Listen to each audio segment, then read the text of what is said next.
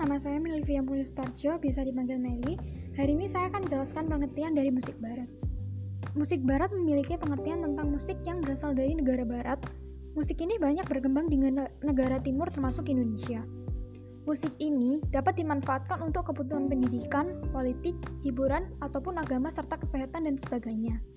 Musik barat sendiri memiliki beberapa ciri-ciri yaitu menggunakan lirik internasional ataupun nasional seperti bahasa Inggris dan sebagainya memiliki tempo yang cepat serta kencang. Biasanya musik barat diiringi dengan musik modern dan memiliki tangga nada do re mi. Musik barat tentu saja memiliki fungsi yaitu sebagai media hiburan, sebagai bentuk pengenalan kreativitas, serta sebagai bentuk belajar dalam memahami isi ataupun makna dari musik tersebut. Sekian dari saya Melivia, terima kasih.